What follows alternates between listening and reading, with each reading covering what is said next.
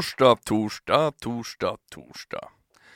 Denna torsdag så har jag låtskrivaren och artisten Johan Aidejoki på besök här i Nordmark podd. För er som inte vet vem han är så är han en eh, jävligt grym gitarrist och eh, låtskrivare som eh, precis har släppt sin tredje skiva, En blyg viol.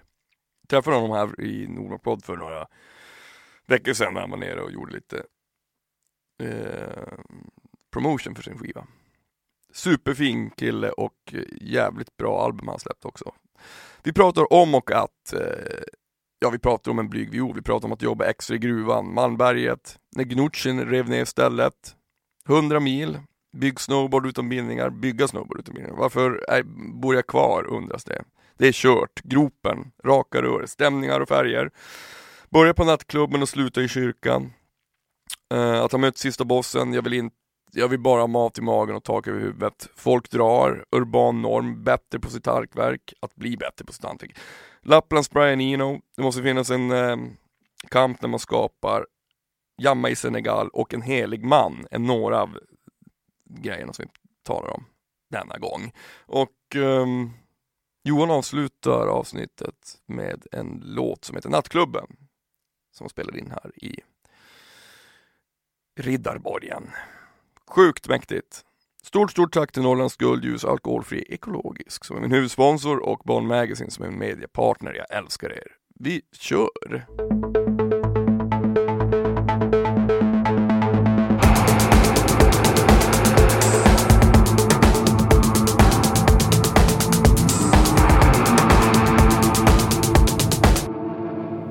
Johan Airjoki!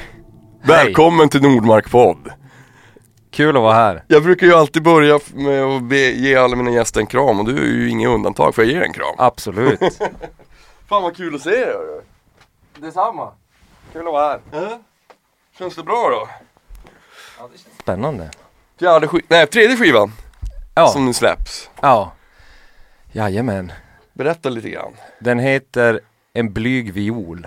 Ja. Och eh, jag kom väl hem från en, eh, en turné liksom och eh, var, hade inget jobb direkt att gå till. Jag jobbar ju extra i gruvan liksom Ja. för att få dra ihop pengar för att kunna, kunna ha råd att jobba som musiker. Men jag hade som ingen jobb och jag var gräsänkling och jag hade en massa tid.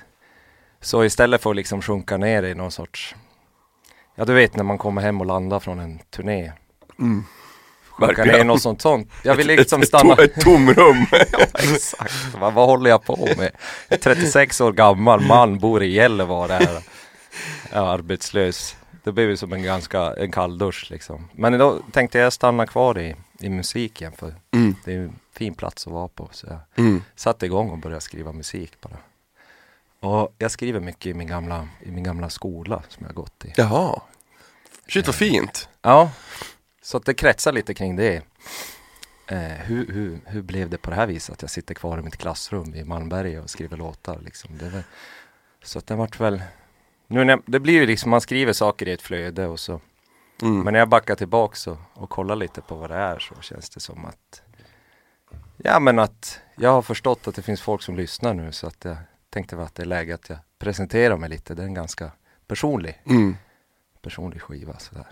Men det är ju superfint ju. Men, men jag tänkte så här. äh, Du, du kommer från, från Gällivare, eller bor i Gällivare. Har du någonsin känt så här, men fan. Det är, det gör det inte lätt för mig själv när jag bor här och vill ju- liksom jobba med musik. Jo, abs- jo så är det ju. Det är klart, det, är ju, det finns ju som knappt ens en, en scen. Det är ju typ jag och mina kompisar som Mm. är scenen. Det finns väl några som lirar liksom sådär, men det finns som ingen, inget ställe där, vi, där, man, där man framför livemusik, mer än dansband och Mm. covers egentligen. Alltså när jag var liten kommer jag ihåg, för då spelade pappa mycket, men de eh, De åkte ju omkring liksom i hela Norrbotten och spelade väldigt mycket. Mm. Alltså är, finns, det, finns det någon scen liksom utanför Gällivare?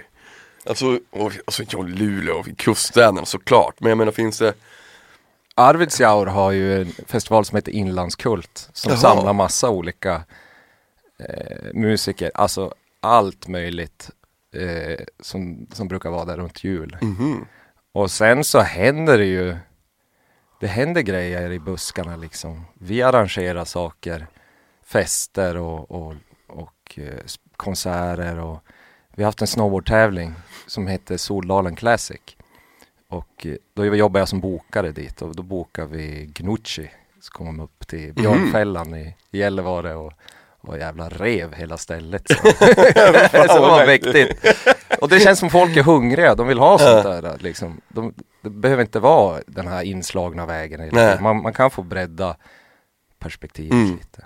Men jag tänker, alltså det är ju Jag tycker det är så jäkla inspirerande för det, ju, det blir ju också någon slags en kulturgärning Att få, att, att få Norrbotten att, att leva liksom, för att man själv också är där. Jag snackar mycket med, med, med Matti Alkberg om det. Mm. Alltså att, att, att också valet att bo kvar Mm. där uppe, där det faktiskt också är lite jävligt. Mm. Eh, och, och någonstans så måste man ju också gill- gilla det. Jag flydde ju den grejen för jag tyckte att det var för jävligt. Alltså på det sättet. Det var Ja. liksom för, och då var jag ju superung men det kändes som att det var för svårt att kunna liksom Mm. eh, att göra det jag ville göra och bo kvar. Alltså vi, när vi åkte med Firestone-turnén då körde vi bil ner till Stockholm Mm. och sen körde vi bara för en spelning.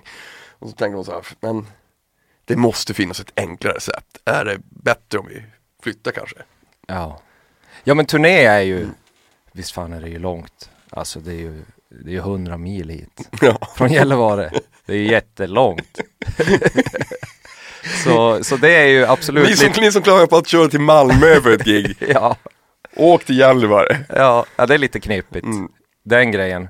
Men sen funderar jag kanske om att du sa att du hade flyttat ner 95, att förutsättningarna ser lite annorlunda ut Mm. nu än vad det gjorde då. Mm, I och med att man kan kommunicera med folk precis. Eh, oavsett vart man bor. Mm. Då, fann, då fanns ju inte ens mobiltelefon knappt. Nej. Jo det fanns ju. Men det var, Det var den där stora. Ja precis. Jag, jag kommer ihåg, jag, jag, jag köpte en mobiltelefon, en Nokia 2110 tror jag den hette. Mm. Eh, när vi hade börjat turnera. För det, var så, det var så svårt att få tag på folk. Man var alltid tvungen att stanna och ringa. Det här låter som att det är tusen år sedan, vilket det är. Men den jävla telefonen var så jävla tung så när jag hade den i jackan då blev hela jackan blev liksom allt. Ja. För den vägde så jävla mycket. Ja. Så det har ju hänt en hel del. ja, visst har det det. Men, men just du nämnde om snowboard också. Jag läste att du, att du åker mycket. Eller att du har åkt. Jo, jo, jag bor ju vid skidbacken, vid Dundret. Mm. Vi bor just nedanför Det där. Det är jättefint där. Ja, det är fint. Så jag åker jättemycket. Jag håller på och jag har väl åkt sedan jag var typ tonåring. Så jag åkte skidor sedan jag var fyra år gammal. Så det är som jag har vuxit upp med det. Mm. Och jag åker mycket och har tävlat och håller på med det. Och nu bygger vi, nu håller vi på att bygga egna brädor. Mhm. En polares garage. Vi pressar dem och så utan bindningar så åker man med liksom pressar tre lager björk, plywood och böjer det liksom och sätter träplugg som grepp och så blir det som en surfbräda. Som Jaha, shit, fan vad coolt. Ja, det är svinkul. Men det måste vara mycket, mycket svårare. Ja, det är lite knepigt, men det är sjukt hur bra det funkar. Mm.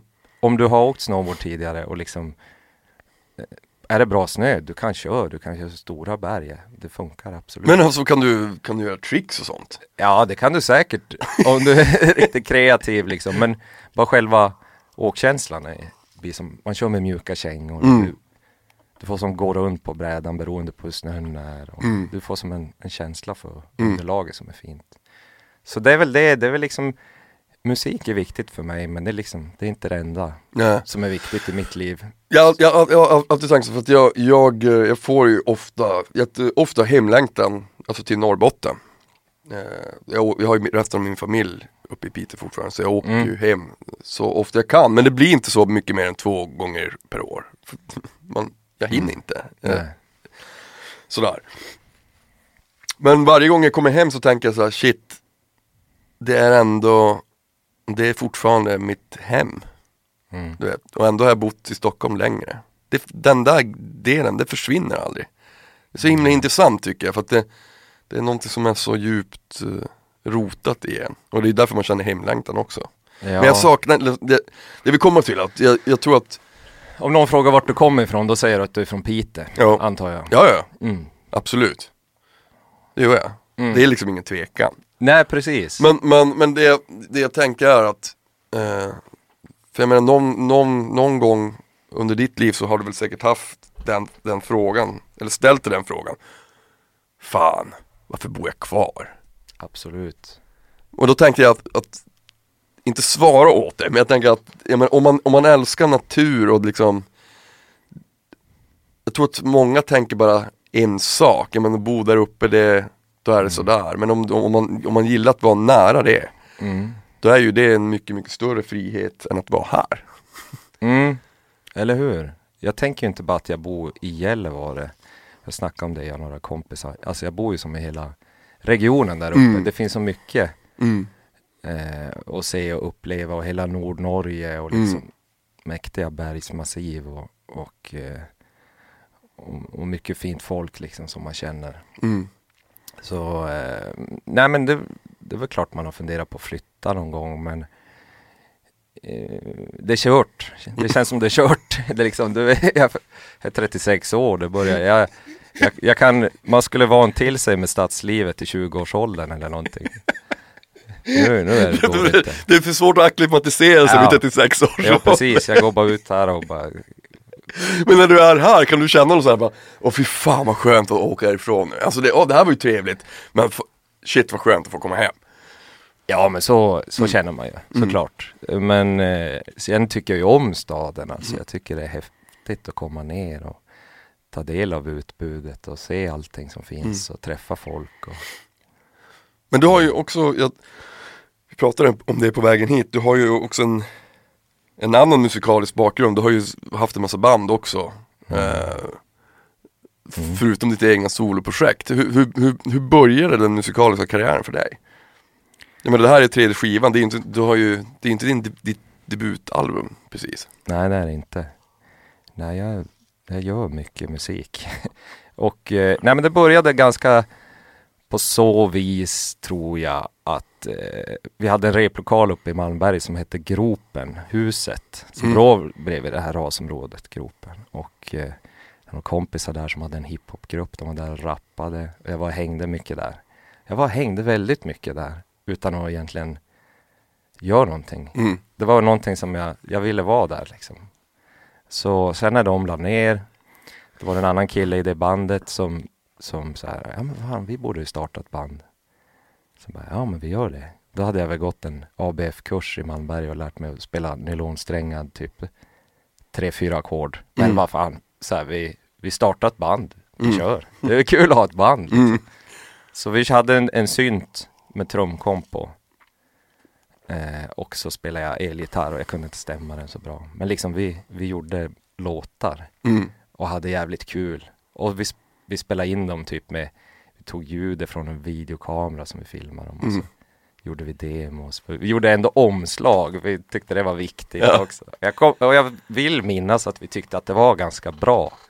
Mm. Men det var, jag tror det var viktigt då att få, att man tyckte det. Men vad, alltså tror inte du också att just den här del, alltså om man bara, vi startar ett band och det blir kul, det är ju musik kommer hela tiden tillbaka till det här, visst även om man kan göra musiken själv och, och det är ju skitkul, men det handlar ju också om möten hela tiden. Ja. Eh, Johan Karlsson från familjen, han har sin här jättenära, så vi, vi umgås ju varje dag i princip. Och så när han höll på med sin skiva så sa han bara så här, men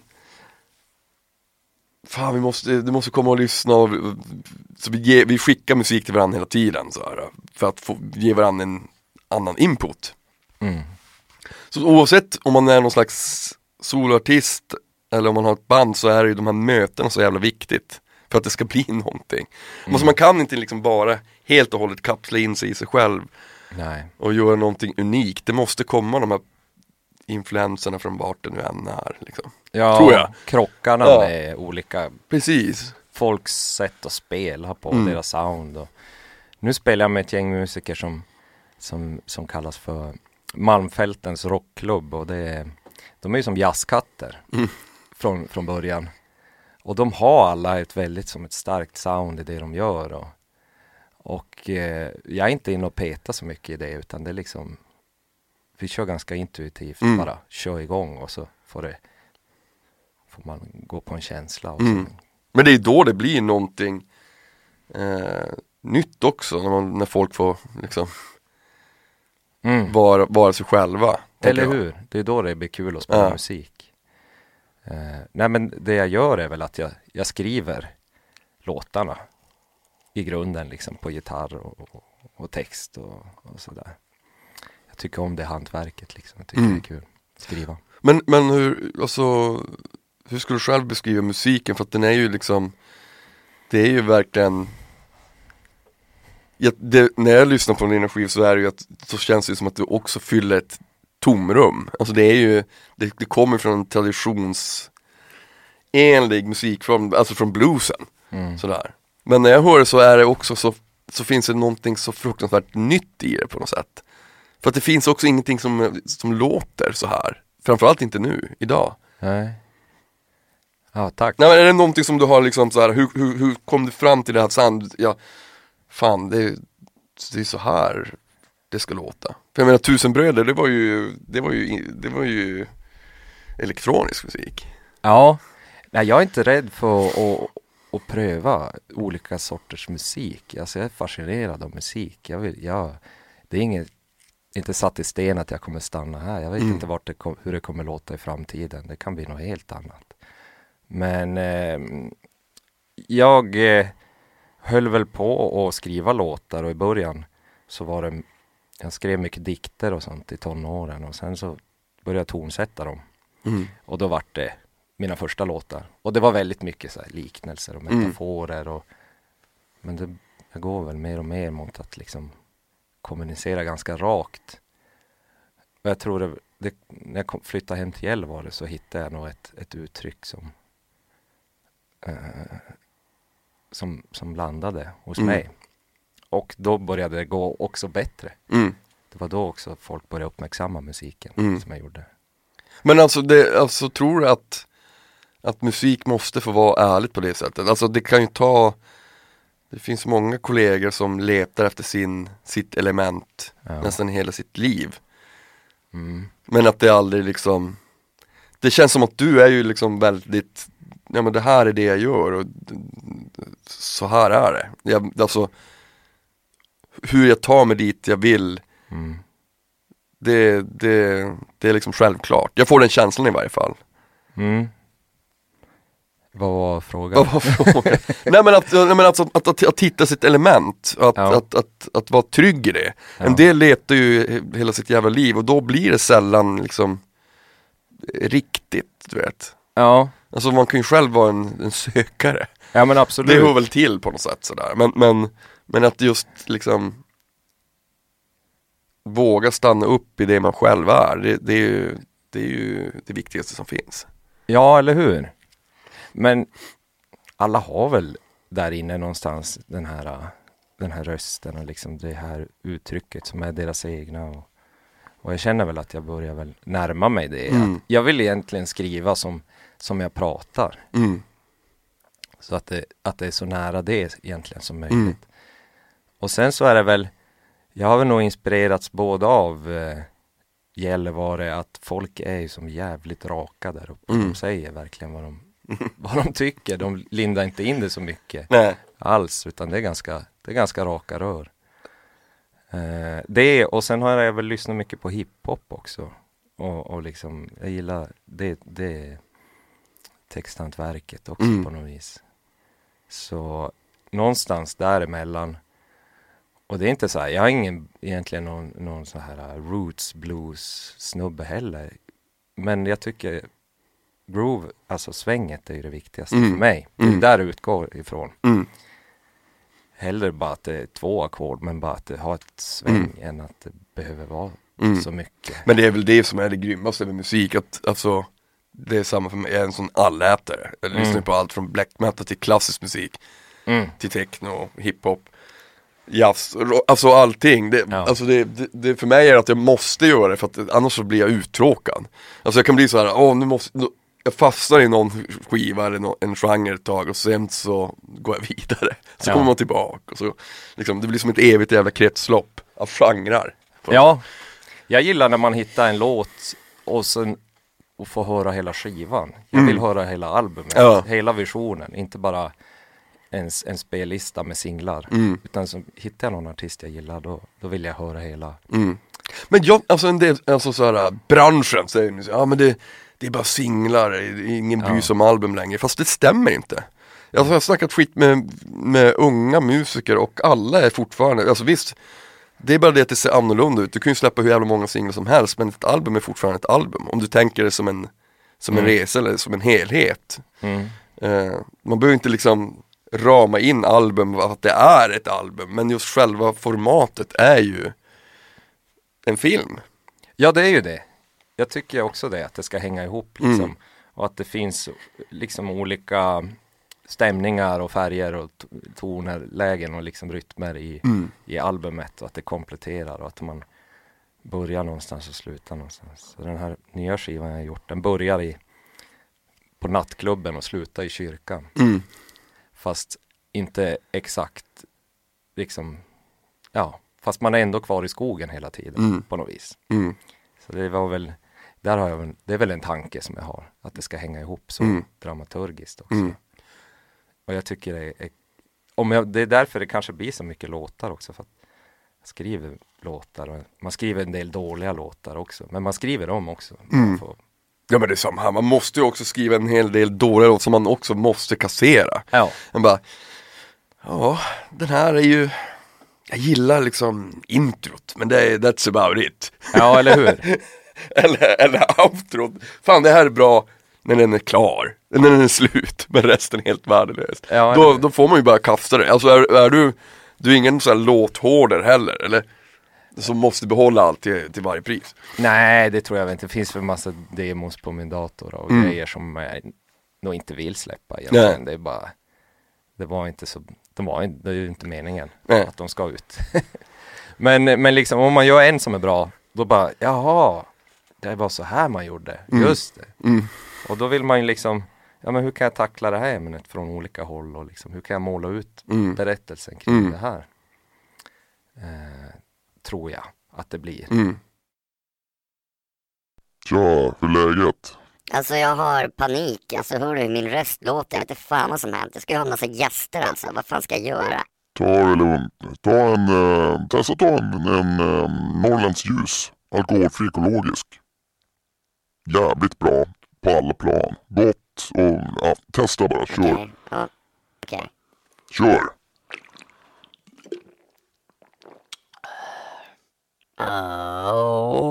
Åh, shit vad grymt! Jag sa ju det. Fan vad skönt! Nu är jag ready for podding igen. Perfekt. Tack Norrlands ljus, alkoholfri, ekologisk. Fan vad mäktiga ni är. Ja, vad, vad var det som fick dig att flytta tillbaka till Gällivare förresten? Flytta hem? Eh, jag var i Umeå. Det var väl egentligen när jag flyttade ner till Umeå och började plugga som jag, där har de ju en musikscen. Mm. På den tiden hade de verkligen det. Mm. Som levde och liksom, det var ju massa hemmaspelningar i olika punkkollektiv. Och Mm. det var liksom massa livescener och till slut när man fick spela på Skarinska då var det ju liksom, då hade man ju mött sista bossen i klarat ut Umeå. I Zelda. Ja, verkligen. Så, nej men där var det ju mycket, mycket musik liksom. Och, och det där, och man vart uppmuntrad att spela Mm. musik. Jag vet inte om jag hade, det var inte självklart att göra det i Gällivare. Liksom. Men eh, sen flyttade jag hem. Det var väl egentligen, min tjej fick eh, jobb i Gällivare och jag fick också ett jobb i Mm. Gällivare.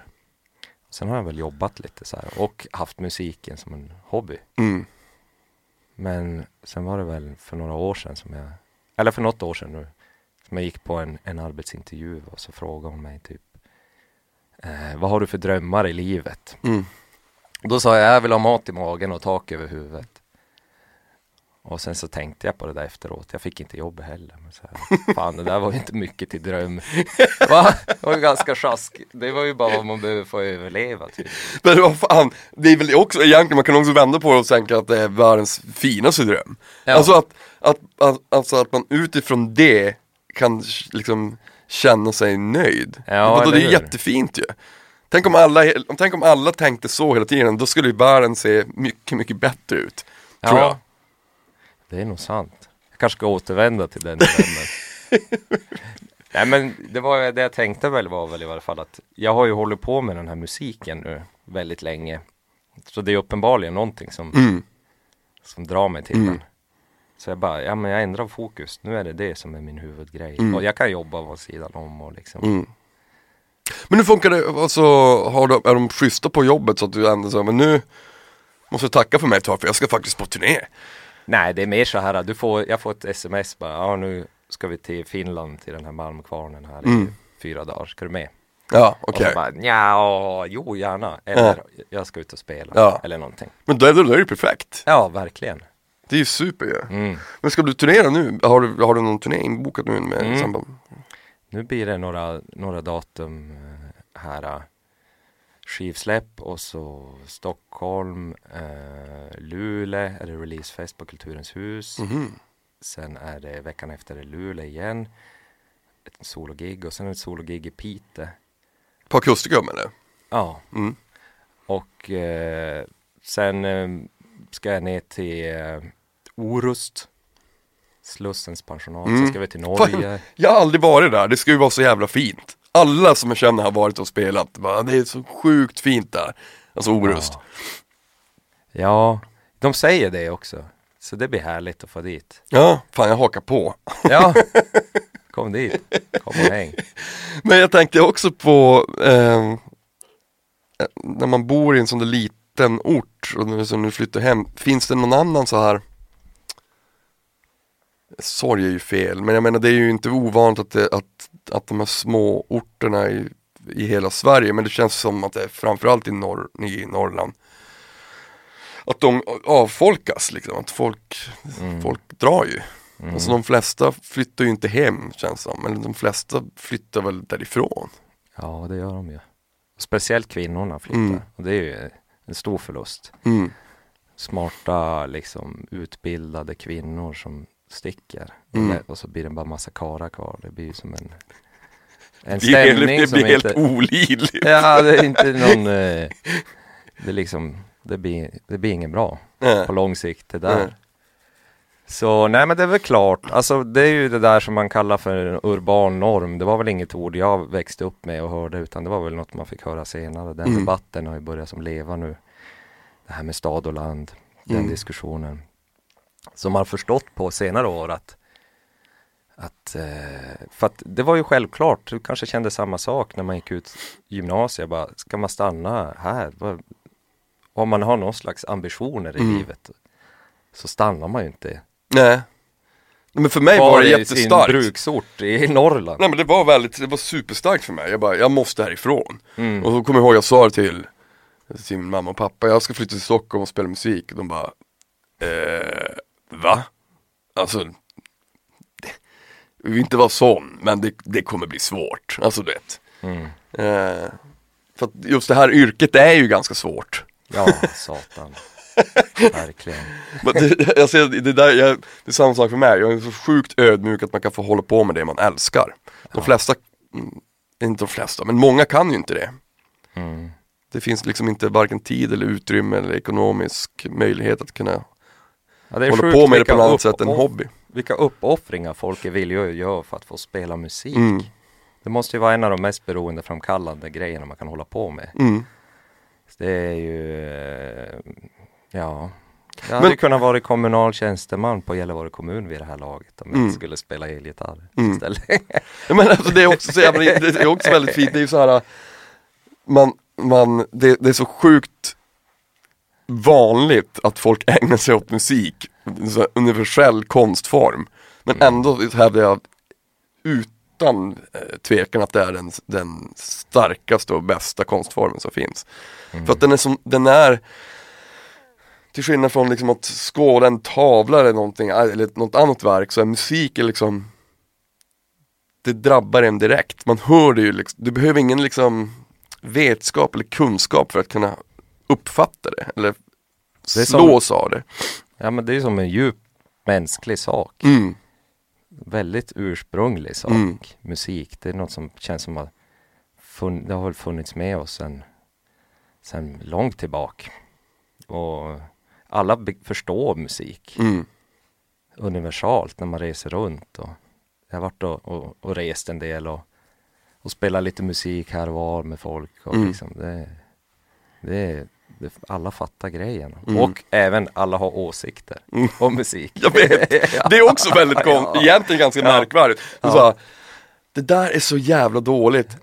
Ja, alltså det tycker ju du. Jag älskar ju det här. Alltså det, är Mm. liksom, det, det finns verkligen starka åsikter också om musik. Mm. För att det är, det, musik är lite grann som ett klädesplagg. Det visar också vem du är. Alltså lite grann så. Om du bara, jag lyssnar på, ja, whatever. Men om du lyssnar på en viss sak så kanske du uppfattas som ganska grund. Eller att du har en ganska grund personlighet. Mm. Alltså förstår du att det finns en, det finns någonting det kan ju också vara väldigt snobbigt att proklamera vilken slags musik som man gillar. Ja, verkligen. där det är var helt sjukt mer- egentligen. Ja, det var väl mer i tonåren känns det som det här att man ska hålla på och identifiera sig så Mm. mycket utifrån den musik man lyssnar på. Mm. Det var inte bara, jag köpte inte bara Beastie Boys skivan, jag köpte ju kläderna och Mm. allting liksom. Jag ville se ut som dem och Mm. hela grejen liksom. Mm. Eh, så att det var ju men, men, med å, men med åren så känns det väl som att man kan slappna av och bara uppskatta musik för vad, vad det är. Mm. Mm.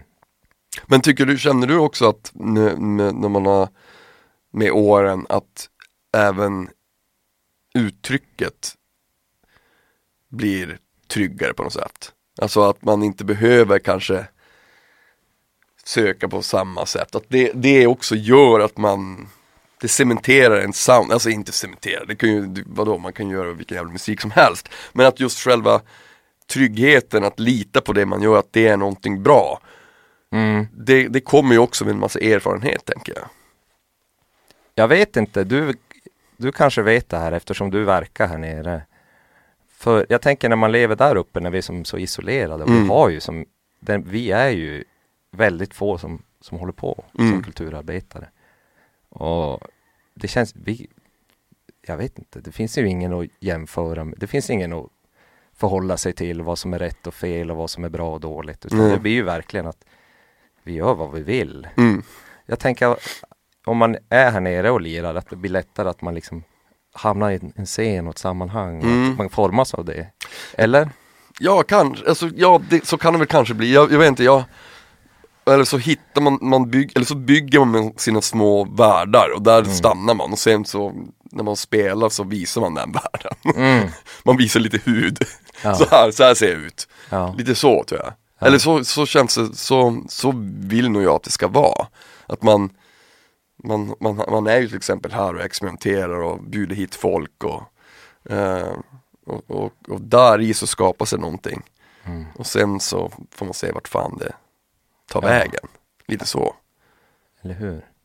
Men det där du sa om musik också, jag tänker eh, alla, alla kan, har ju inte en åsikt om någon tavla egentligen. Nej. Den är ju bara där hänger. Ja men ibland när jag kollar på det, konst man, jag så här, måste, man måste vara som lite så här. Det känns som att det är en lite, lite snobbigare konstform på så vis. Eller det är den väl inte egentligen, men vi har som byggt någon sån några värderingar runt den, att man måste ja, men veta vad man snackar om. Musik ibland känner jag i- mig dyslektisk när det kommer till andra uttryck. Jag bara så ja, Det är en toalettstol som de har jag, signerat. jag känner ingenting. Och då, och då känner man väl ingenting. Det är ju inget mer med det. Nej. Men al- alltså, alltså det, jag, jag, jag kan uppskatta och, alltså, moderna, vad heter det? Moderna museet. Att gå där och kolla på konst, det är ju skitkul. Mm. Men ibland är det också så här, ja men det kanske också är för att jag inte känner någonting för att jag inte har ägnat tillräckligt mycket tid åt att vilja förstå andra uttryck förutom, förutom musik eller, I don't know. Mm. Ja, ja men film också, absolut. Det är ju Mm. en sån grej. Det älskar jag ju. Mm.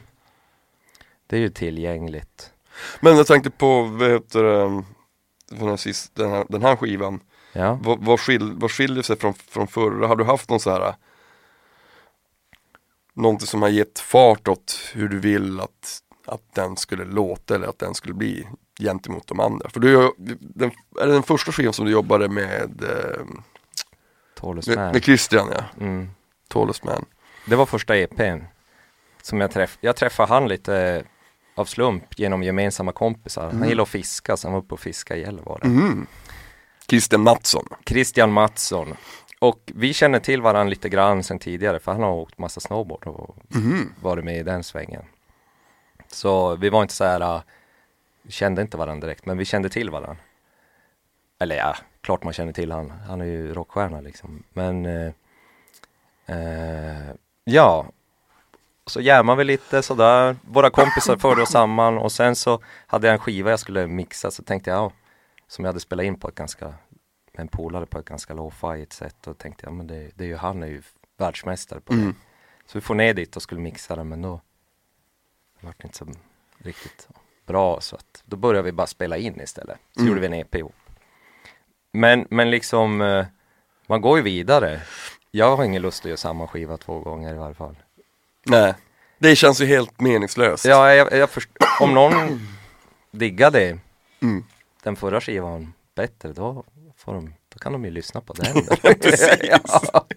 nej, men, eh, nej men den här gången så ville vi, ville jag, jag, förra var väldigt live, nu vill jag göra mer av ett ljudkollage liksom. Mm. Och göra det, vi har även spelat in det i Akkavare, en by utanför Arvidsjaur. Mhm. För när man började spela in musik, då var man ju hemma hos en kompis. Mm. mycket. Dator, ljudkort och Mm. mick.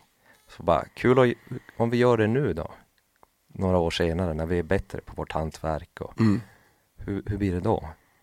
Så det har vi gjort liksom. Vi har spelat in det i, i hans vardagsrum och i hans källare. Eh, Axel Olle Sigurd Andersson heter han. Mm. Duktig producent från, från Arvidsjaur. Mm. Han är lite våran, jag brukar säga till honom att, att han är Lapplands Brian Eno. Han är våran, han är våran Det, det är en jävla, det är en, verkligen en komplimang. Men det låter, de låter ju fruktansvärt bra skivorna, jag äl, älskar, älskar sounden och Ja men han är grym. Mm. Han är lite våran, liksom Han är lite våran, våran visionär, våran konstskola liksom. Han Mm. är den som, som knyt, ser vad folk Mm. har och bara här, lyfter fram det och Mm. det, här, det här är grymt. Mm. Peppa folk och Mm. så. Det, han är en viktig person för oss där, Mm. för våra musikscen. Men när du, när du skriver ehm, Nu när du, när du har släppt, precis släppt en skiva, kan du, kan du redan snabbt komma in i det här Fan jag måste redan börja på nästa För det där är ju så otroligt individuellt, jag vet en del är ju sådär, nu, nej, nu kan inte jag skriva på ett tag Mm. För eh, jag känner mig helt urlakad Ja. Jag liksom, Nej men en sak i taget alltså. Man får ju ta och Mm. spela de här låtarna. mm, Kör dem live och, och se hur de kränger och hur, hur de fungerar då. Det, blir så, Mm. det är ett annat sorts djur också. mm, Och sen så kommer det väl säkert dyka upp något mer. Det brukar vara Ofta är det typ en låt på förra skivan som kom innan och så var det en låt där. Ja men det där skulle jag vilja mm, Det där ämnet eller det där soundet skulle jag vilja dyka mer i. mm, Och så blir det en fortsättning på det. mm, Så det kanske finns något frö i den här skivan till nästa också. Mm. Det är inte, så brukar det vara. Och sen så tar det liksom en annan väg så att, som gör att det känns som att man gör någonting nytt. Såklart. Ja, precis. Eh, och nu vill jag göra mera, förra var liksom fem minuter långa crescendon och liksom stort och nu, nu vill jag testa bara så här, vi, vi stramar ner det, vi gör tre minuters låtar Mm. liksom tydligare vers och refräng och liksom Mm. Mera popform liksom. Mm. Jag tänkte också på, vad, alltså eh, Jag läste någonstans att, du, att, att jag tror att du sa att, det, att någonstans så måste det hela tiden finnas en kamp också när man, när man skapar, när man gör musik. Mm. Vad, vad, eh, vad syftar du på då? Alltså jag menar det, den, den kampen kan man ju ha både i, inom sig men det kan ju också vara omständigheter såklart, yttre omständigheter. Men att det inte ska vara för, det ska vara lite jävligt helt enkelt, I guess. Ja, vad skulle man göra om vi vann, eh, vann eh, här, miljoner på Lotto? Mm. Jag vet inte vad Man kanske skulle börja bara göra instrumentalmusik eller jag vet inte man kan, vad det hade blivit. Eller göra musik om hur mycket pengar man har. Gör så här, Det vore ju fett. Jag är så rik, jag är så rik. Nej men det är väl klart att det är... det har man ju aldrig hört. Någon sån här singer-songwriter.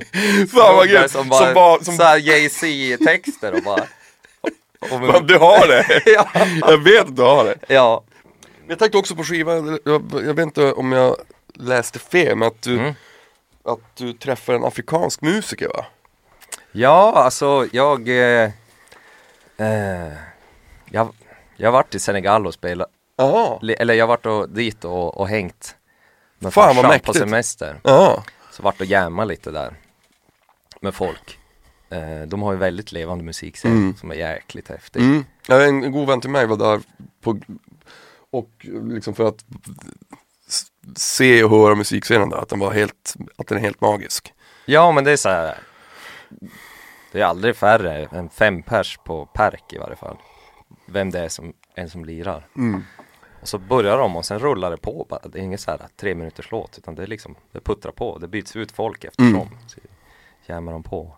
Nej men jag såg en, i, i, det kom till Gällivare kyrka i höstas, en, en eh, griot. Och det är en sån här västafrikansk traditionell musiker och lite Mhm. om en eh, eh, Alltså det är någon sorts helig man, det är något sorts yrke som går ner i, i arv.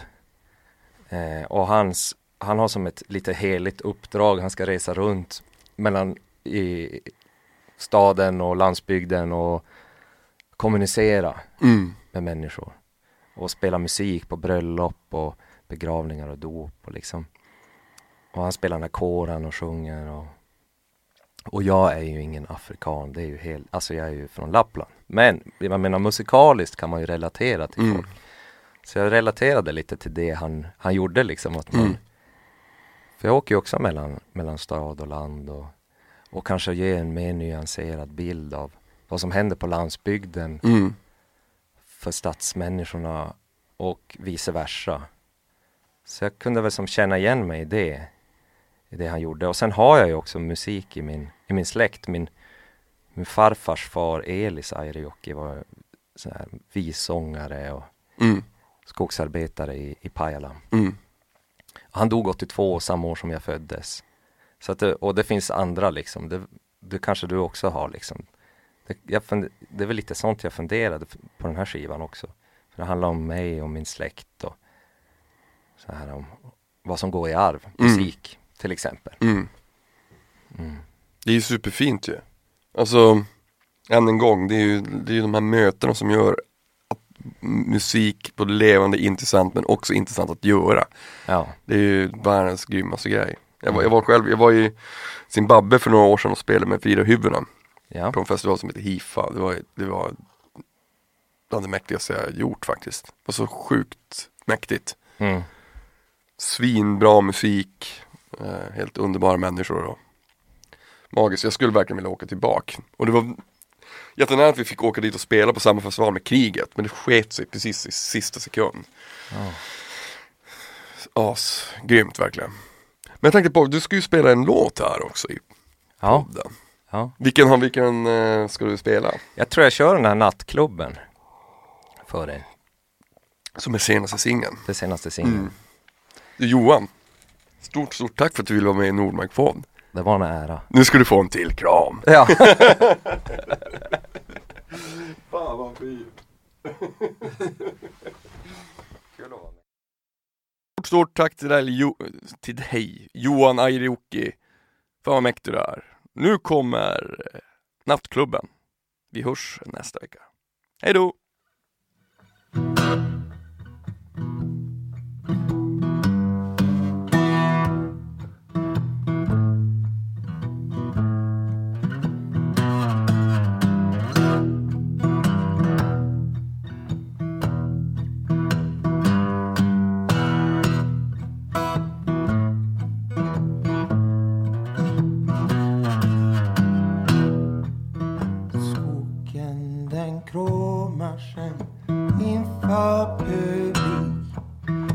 Som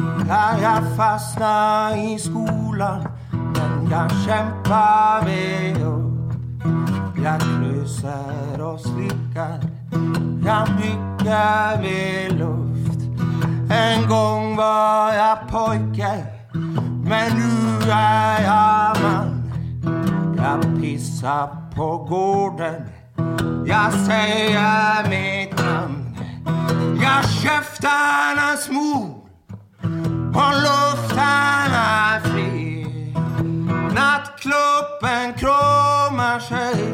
Inför publik Ja, käftarna smog smor och luften är fri Nattklubben kramar sig.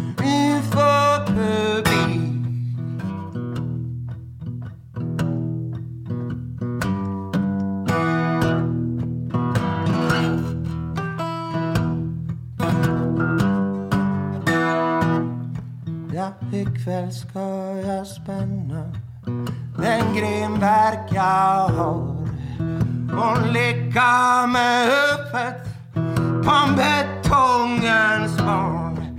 För käftarnas mord och luften är fri.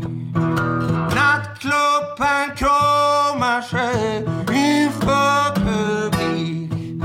Ja, käftarnas mord från luften fri. Nattklubben kramar sig